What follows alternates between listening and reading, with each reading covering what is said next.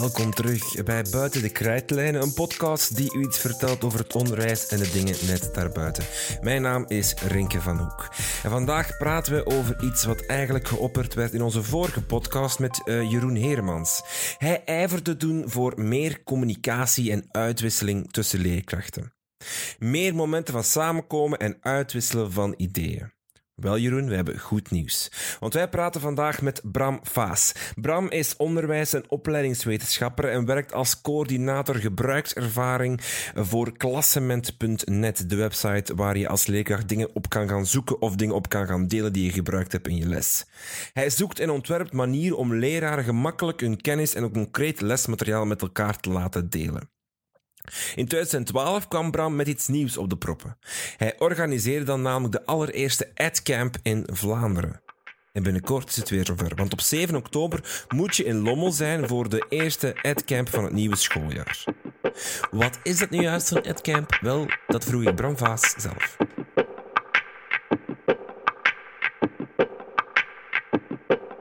Dag Bram, jij bent uh, ja, initiatiefnemer van AdCamp Vlaanderen. Um, we gaan beginnen met een simpele vraag. Wat is zo'n AdCamp eigenlijk? Zo'n AdCamp dat is een samenkomst van leraren, een vrijwillige samenkomst waar leraren samenkomen. In de vorige keer was dat telkens op een zaterdag, om eigenlijk kennis- en praktijkverhalen met elkaar uit te wisselen.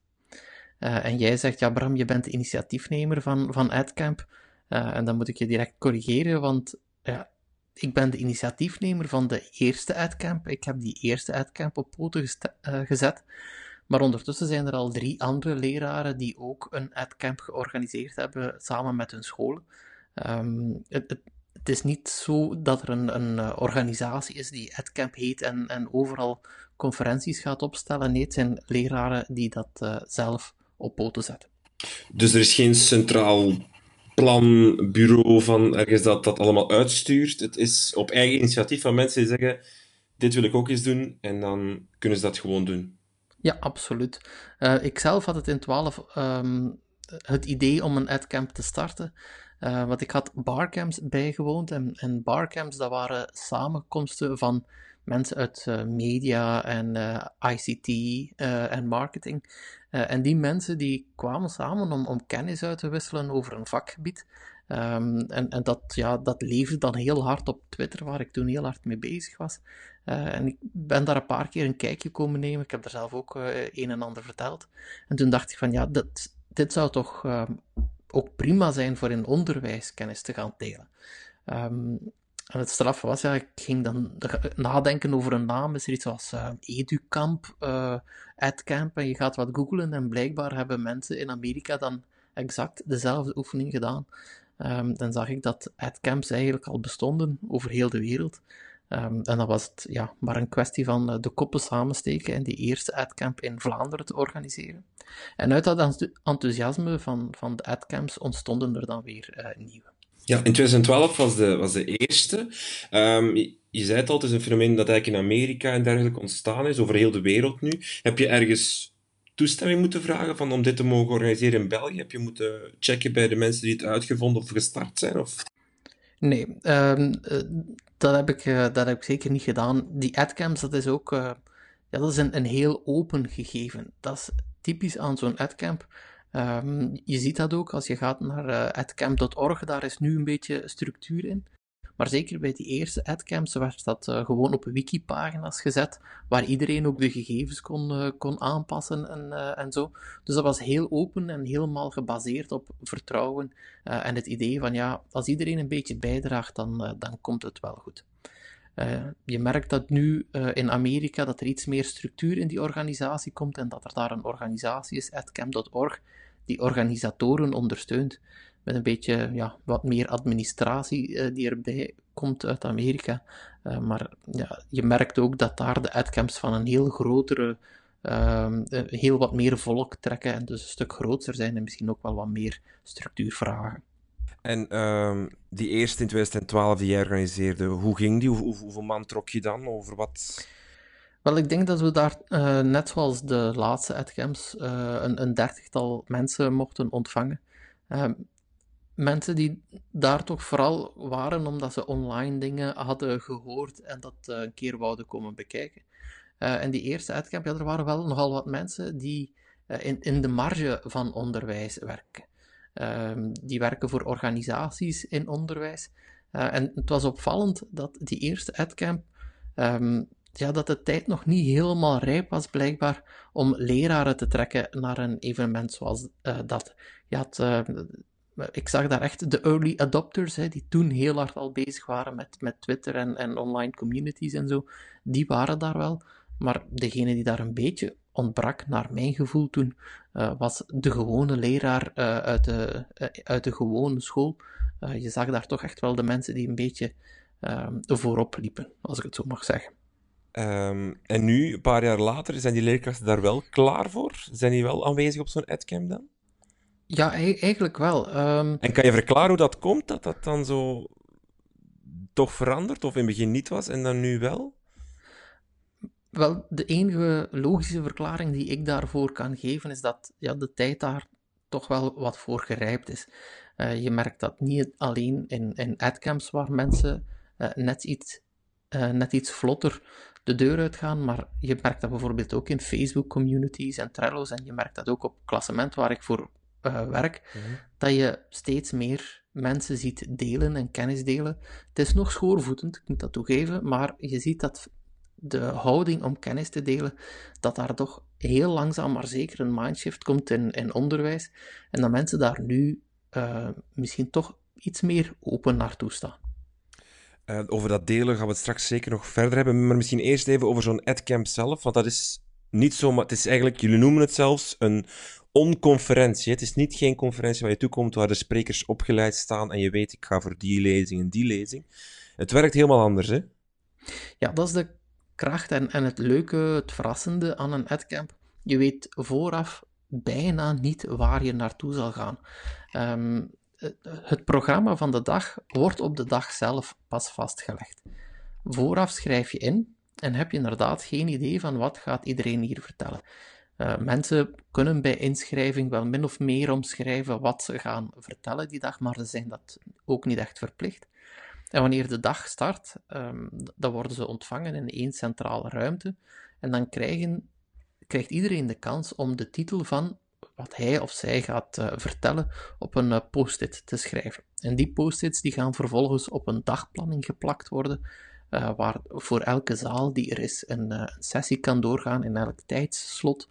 Um, en dan gaan de mensen gewoon hun titel opschrijven, dan plakken ze hun titel op dat, dat grote bord. En zo wordt op de dag zelf het, het conferentieplan, als ik het zo mag noemen, eigenlijk pas opgemaakt. En zijn er dan mensen die effectief toekomen met een, een voorbereide presentatie van, van 20 minuutjes? Of is dat heel vaak gewoon, ik heb hier een onderwerp en ik wil het daar graag eens over hebben met wat mensen? Is, hoe, hoe verschilt dat? Ja, dat verschilt uh, heel hard van persoon tot persoon. Um, als ik zelf spreek op een adcamp, uh, dan, dan bereid ik iets voor, dan maak ik een presentatie, om, omdat ik mij daar zelf het beste bij voel. Maar er zijn ook mensen die zeggen, ja, voor mij hoeft dat geen presentatie te zijn. Ik haal veel meer uit gewoon een vraag in de groep gooien en dan kijken wat de antwoorden zijn. Er zijn mensen die met een, een open idee naar zo'n adcamp komen en dan zeggen van ja, zeg, zij vragen aan deelnemers, zeg, eh, zeg jij maar wat je eigenlijk over dit onderwerp wilt weten. Um, dus het is heel verschillend en heel persoonlijk. Uh, en dat maakt het ook wel heel rijk, want hoe ik een presentatie of mijn kennis wil delen, dat is helemaal niet hoe iemand anders dat ziet. Um, en elke keer dat je naar een sessie gaat, is het een beetje een verrassing van wat ga ik nu uh, te zien en te horen krijgen. Um, en dat maakt het fijn. Uh, om, ja, het is niet precies altijd wat je nodig hebt, wat je vaak hebt bij, bij conferenties waar je je voor inschrijft, maar het is net dat verrassende element um, dat, het, dat het toch wel leuk maakt. En kan je bijvoorbeeld ook gewoon een, een discussieonderwerp meebrengen, waar je zelf eigenlijk misschien helemaal niet zo heel veel over weet, maar gewoon iets het eens wil over hebben met, met, uh, met medeleerkrachten? Eén onderwerp, bijvoorbeeld technologie in het onderwijs, je plakt op dat bord en dan ja, absoluut. kom erbij. Dat zijn dingen die, die zeker mogelijk zijn.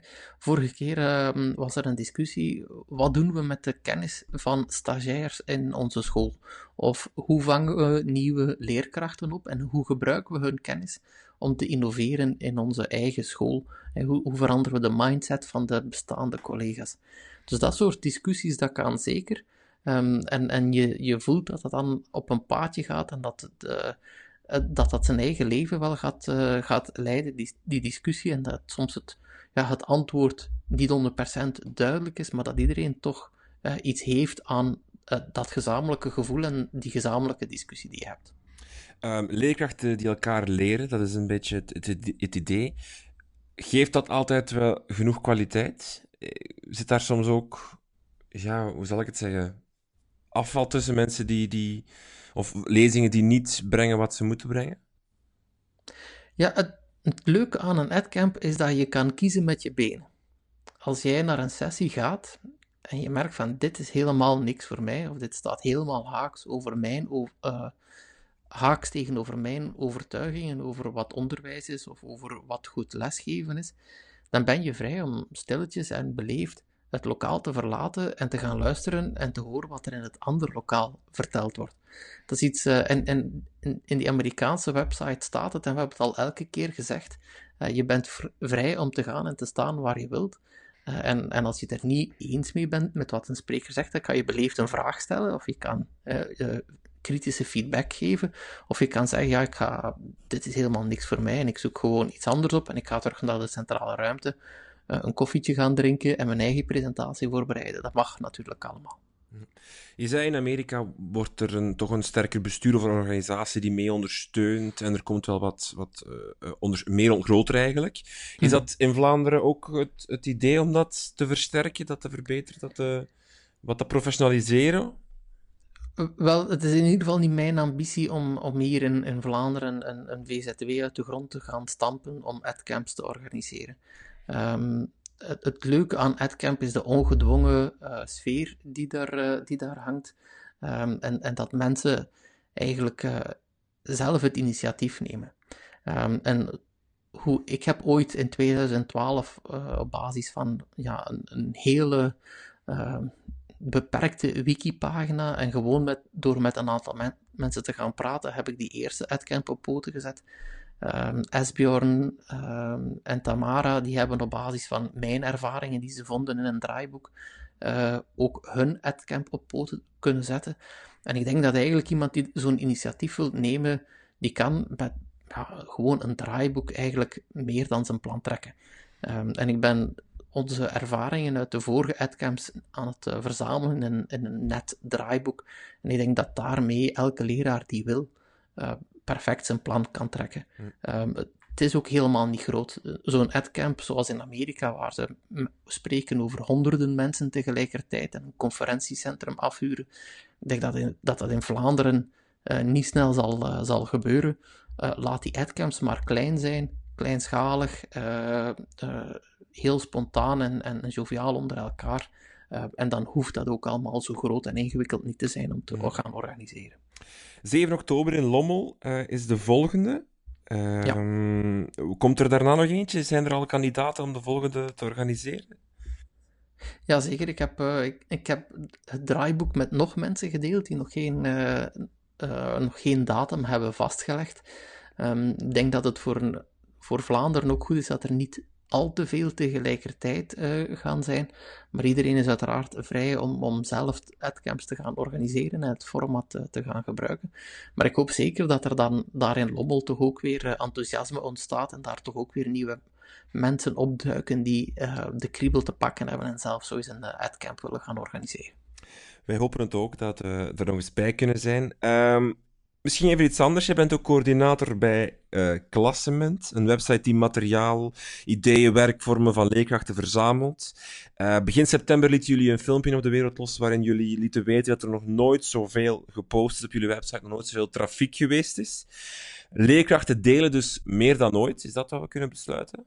Ik moet je eerst wel, uh, wel even uh, iets rechtzetten. Ik ben niet coördinator van klassement. Hè. Dat, is, uh, dat Simon, dat is mijn baas. ik coördineer voor klassement de gebruikerservaring. Dus ik zorg ervoor dat de dingen werken zoals ze moeten werken. Ehm, en, en we zien daar inderdaad dat we een stijging zien. We zien dat er meer dan ooit leden naar klassement komen. We zien dat uh, ja, meer leden gelukkig ook betekent dat er meer gedeeld wordt op klassement, dat er meer gereageerd wordt, enzovoort, enzovoort.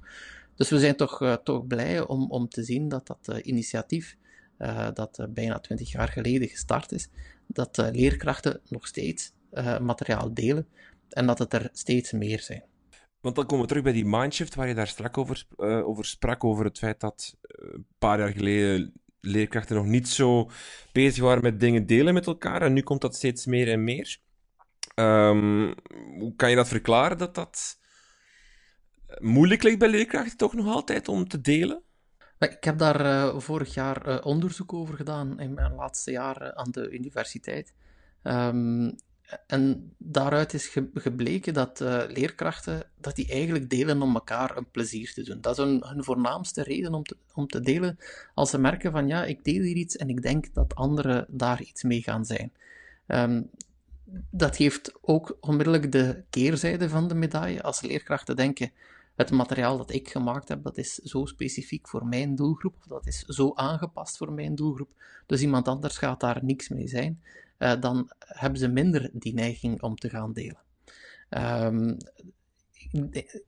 ik denk dat leerkrachten eh, steeds, zich steeds meer gaan realiseren dat delen eigenlijk beter is voor iedereen. Hè. Je ziet dat ook in, eh, je ziet dat niet alleen op Facebook, uh, sorry, je ziet dat niet alleen op uh, klassement, maar je ziet dat ook in die Facebookgroepen, dat mensen als ze een vraag krijgen, dat ze daar met veel plezier elkaar gaan helpen.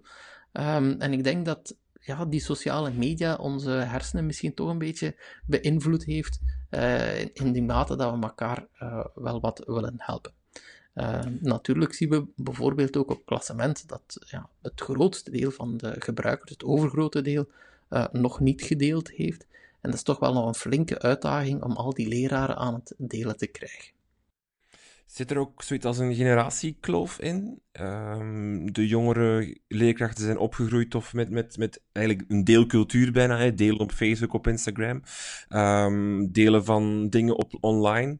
Uh, terwijl de oudere generatie misschien minder die neiging heeft. Of ben ik nu te kortzichtig aan het redeneren. Ja, ik durf daar geen, uh, geen, geen uitspraken over te doen, maar wat mijn onderzoek wel uitwees, is dat uh, hoe ouder de leerkracht, hoe lager de intentie om lesmateriaal te gaan delen. Nu, dat wil niet zeggen dat die oudere leerkrachten egoïsten zijn die hun jonge collega's niet willen helpen. Het zou ook iets te maken kunnen hebben met het feit dat oudere collega's, of sommige oudere collega's, minder vlot met de computer omgaan of minder goed weten wat er wel of niet mag met het delen op het internet en zich daar gewoon meer vragen over stellen uh, en daarom niet tot dat delen overgaan. Dus er zijn daar eigenlijk heel veel, um, ja, heel veel dingen die uh, een invloed kunnen hebben, maar we zien wel dat de jongere leerkrachten uh, meer de intentie hebben om hun lesmateriaal te delen dan ouderen. Oké, um, je bent ook bezig met, met technologie in onderwijs, hè, als ik uh, goed ben. Um, welke technologische vernieuwingen zie je op dit moment gebeuren in het onderwijs waar je enthousiast van wordt, waar je uh, meer over wil weten of meer over mee wil nadenken? Ik denk eerlijk gezegd dat um, ik geloof niet zo dat uh, technologie onderwijs gaat veranderen. dat klinkt misschien raar voor iemand die een passie heeft voor, voor technologie en onderwijs. Maar ik denk toch dat het echt de leraar is die het uh, verschil maakt. En het is die leraar die moet zien um, hoe die technologie het, het, leren kan beïnvloeden. En ik zie dat, je, dat we langzamerhand toch naar zo'n soort van nuchterheid komen uh, ten opzichte van technologie. Uh, en dat we zien wat de impact kan zijn. Um, alles heeft zo zijn hypes gehad. Hè. toen ik klein was, was het de videorecorder. en ik, ik, weet nog dat men toen, ik als tienjarige naar school ging, dat men dacht dat de, de leraar op de videoband dat hij het onderwijs zou veranderen. Nu, dat is nooit gebeurd. Um, toen mijn kinderen uh, echt nog klein waren, uh, toen, toen waren het de digitale borden. En toen ik startte met, uh, met lesgeven, toen ging het digibord alles veranderen. Dat is eigenlijk ook niet echt gebeurd. Toen kwamen de tablets die het onderwijs omver gingen gooien. Het is ook niet echt gebeurd. Uh, ik denk wat er kan gebeuren is, ja, als de leraar ziet hoe hij technologie kan inzetten om dingen te doen die anders niet mogelijk zijn, pas dan gaat technologie onderwijs veranderen. Als ik daar een klein voorbeeldje van mag geven, bijvoorbeeld, uh, technologie stelt ons in staat om constant feedback te geven op het werk dat leerlingen doen uh, en hen te helpen om een proces te verbeteren. Als ze bijvoorbeeld in de cloud aan het uh, schrijven zijn, dan kan je feedback geven zonder aan hun origineel werk te moeten gaan morrelen. Uh, je kan dat doen waar dat ze zijn en, en wanneer, wanneer dat ze dat ook uh, aan het doen zijn. Um, en, en net die feedback is ja, de cruciale factor in onderwijs om te leren. Wel, die technologie stelt ons in staat om die feedback beter te doen. en zo denk ik dat technologie het onderwijs gaat beïnvloeden. Maar de technologie aan zich uh, die gaat volgens mij weinig invloed hebben. Het is die leraar die moet ja, goede kansen zien en grijpen. Ehm, daar volg ik je volledig in, want ik vind het wel zelf, ik, ik betrap mezelf er vaak op dat ik iets nieuw technologisch wil proberen, een nieuwe app, een nieuwe website, een nieuw systeem. En dat ik moet concluderen achteraf dat de educatieve of pedagogische meerwaarde niet meteen zat, of gewoon niet in zat, in die app, maar eigenlijk gewoon dat het iets nieuws was, iets leuks voor mezelf, maar dat het voor de leerlingen vaak een extra, wel misschien iets leuk nieuws is, maar niet per se, per se beter geleerd werd, zal ik zeggen. Um, hoe, hoe zorg je ervoor dat je die oefening blijft maken voor jezelf, dat je je technologie goed gebruikt als, als, uh, als ondersteuning voor jezelf, als leerkracht en ondersteuning voor leerlingen? Ja, ik denk dat je vooral goed je gezond verstand moet gebruiken. Ik, ik herinner me nog in de, de, de begindagen van de iPad uh, dat ik zag hoe men in een klas een soort uh, whiteboard-app installeerde op de iPad. En dan konden de kinderen met hun vinger het antwoord op de iPad schrijven en dan de iPad in de lucht houden, zodanig dat de leerkracht kon zien wat ze antwoorden op de vraag. Uh, nu weet ik niet hoe het bij jullie zit, maar uh, bij ons uh, in, in school hadden ze allemaal van die echte whiteboardjes met zo'n uitwisbare stift achteraan in de klas liggen. Dat duurde wel geteld een minuut om die uit te delen in de klas. Dat kostte geen stroom, daar was geen app voor nodig en dat was een stuk makkelijker om in de lucht te steken. Um, en, en, de leraar met gezond verstand, die pakt dat op die manier aan. Je gebruikt technologie als technologie een, een meerwaarde heeft. Uh, als ze tegelijk hun antwoorden naar jou kunnen doorsturen, en als je het als toets kunt gebruiken, en als je onmiddellijk kan zien wie heeft er veel antwoorden juist en veel antwoorden fout, dan wordt dat direct een heel ander verhaal en dan is technologie een meerwaarde. Maar als je eigenlijk gewoon iets dat je perfect analoog kan doen, uh, met een blad papier of, of nog maar een whiteboardje, waarom zou je dan in godsnaam naar, uh, naar tablets of computers of technologie in het algemeen gaan grijpen? Dus ik denk uh, ons gezond verstand gebruiken en niet te snel geloven in de hypes die de, de makers van technologie ons proberen te verkopen.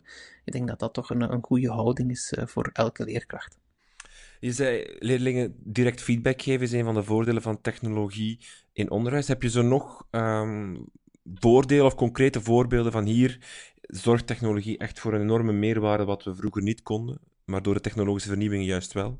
Ja, ik, ik denk dat we echt wel aan, aan, aan de start staan van, uh, van technologische vernieuwingen en, en uh, dat we in de toekomst de dingen heel snel gaan zien evolueren. Um, de Amerikaanse Khan Academy, hè, waar je daar een filmpje kan kijken en waar je dan oefeningen kan maken onder dat filmpje, die, die doen dat geweldig goed. Die, maken, eh, die laten een, een keigoede leerkracht een, een onderwerp in één minuutje, twee minuutjes uitleggen. Die geven dan onmiddellijk een herhalingsoefening op wat je net gezien hebt. En dan krijg je zelfstandige oefeningen. En uh, ik raad elke leraar eens aan om uh, zo'n Khan Academy cursus te gaan volgen, want die zijn uh, gratis.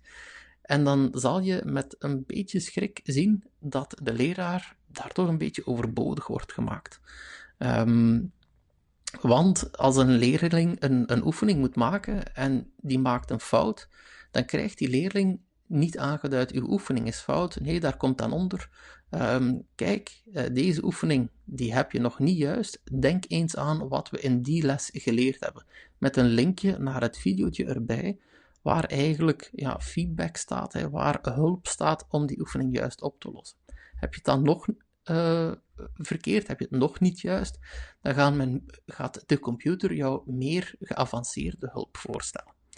Uh, en op die manier ja, zit daar intelligentie uh, onder die computer die op basis van de fouten die leerlingen maken, eigenlijk ze exact de juiste feedback op het juiste moment geven. Um, als zulke systemen bestaan dus eigenlijk al en gaan, denk ik, gaan we in de volgende jaren uh, steeds meer gaan zien. Uh, en gaat ervoor zorgen dat leerlingen veel sneller en veel individueler uh, kunnen werken. En zeg je nu dat leerkrachten overbodig worden? Breng je nu mijn job in gevaar, Bram? Of, uh, dat, durf ik, dat durf ik niet zeggen, maar ik denk wel dat, dat er toch over, over, over moeten nadenken wat onze, onze rol in onderwijs is. Um, ik, wil, ik wil niemand angst gaan aanjagen en, en ik denk dat, dat de robots het nog niet, niet te snel gaan, gaan overnemen. maar anderzijds, als een computer betere en gerichtere feedback geeft dan de leraar, dan moeten we, moeten we toch kritisch nadenken over wat onze rol als, als leraar is. en tot die computers dat doen, denk ik dat we zelf vooral onze kennis moeten delen en moeten kijken waar de uitdagingen zitten. Want ehm, computers gaan zeker niet alles kunnen overnemen, die kunnen alleen maar logisch denken. Ehm, die kunnen alleen maar dingen uitvoeren die wij voorgeprogrammeerd hebben. En, en elke leraar die al eens voor een klas gestaan heeft, die weet dat geen twee lessen gelijk zijn. En dat juist jouw kracht en jouw meerwaarde als leraar is om in te spelen op die verschillen tussen leerlingen en, en om die, die, sociale dynamiek te zien. maar daar breng je waarde toe die de robot, die de computer, niet heeft. En ik denk dat we daar goed over moeten nadenken. Zie je dan leerkracht bijvoorbeeld meer als een coach, een begeleider, een, een, een motivator bijna? In plaats van echt een educator? Ja, ik, ik, vind dat een, ik vind dat een beetje een vies woord. die coach, hè, dat, dat is iets dat uh, zo vaak gezegd wordt. Uh, ik denk dat leerkrachten er toch echt wel zijn om, om kinderen iets te leren. En, en leraren zijn ook meer dan dat. Hè. Uh, leraren die, die helpen die kinderen ook opgroeien. Dus leraren hebben meer hebben, hebben verschillende taken. Um, maar inderdaad, als je dingen doet die een computer beter kan doen, of als je enkel doet wat een computer beter doet, dan moet je je toch afvragen uh, waarvoor het departement onderwijs jou, jouw loon op betaalt. Oké, okay, Bram, een vraag die we aan iedereen stellen. Um, stel, jij bent minister van Onderwijs, jij mag het onderwijs veranderen. Wat zou je graag als, wat zou je als eerste veranderen? Ja. Een moeilijke vraag, ik besef het. Ja, ik denk dat we. Dat de, grote. Um, ik wil even teruggaan naar die adcamps. Hè. Um, een, een van de dingen die, die ik geleerd heb op adcamps is dat uh, adcamps uh, geen grote problemen proberen op te lossen. Je hebt daar leraren die samenkomen en die kennis delen en die dingen oplossen die, die elke leraar blijkbaar wel tegenkomt. Hè. Dat gaat dan over differentiatie, dat gaat over kinderen die een lange periode ziek geweest zijn en terugkomen naar school. Uh, dat soort dingen, dat, dat zijn problemen die elke leraar tegenkomt. Komt. Um, en, en, hier, en hier en daar zijn er mensen die daar al oplossingen voor gevonden hebben, of die toch ja, eh, pro geprobeerd hebben om daar oplossingen voor te vinden. Um, en, en als, ik, uh, ja, als ik de minister was, dan zou ik toch proberen om kansen te creëren om leraren meer tijd te geven om dergelijke oplossingen uh, structureel met elkaar te kunnen delen, uh, zodanig dat die kennis die nu achter muren verborgen zit in scholen, uh, zodanig dat die over heel Vlaanderen breed gebracht kan worden. en ik denk dat we heel veel kunnen leren van, van leraren, dat ze elkaar heel veel te leren hebben. En daar zouden ze eigenlijk meer gelegenheid toe moeten hebben. En daar kunnen we beginnen op 7 oktober in, in Lommel. Uh, om, om elkaar bij te leren. Bram, heel veel dank uh, voor alle antwoorden en ons uit te leggen wat AdCamp en uh, klassement en dergelijke allemaal doet. En nog heel veel succes. Dankjewel. Ja, dankjewel. Dag.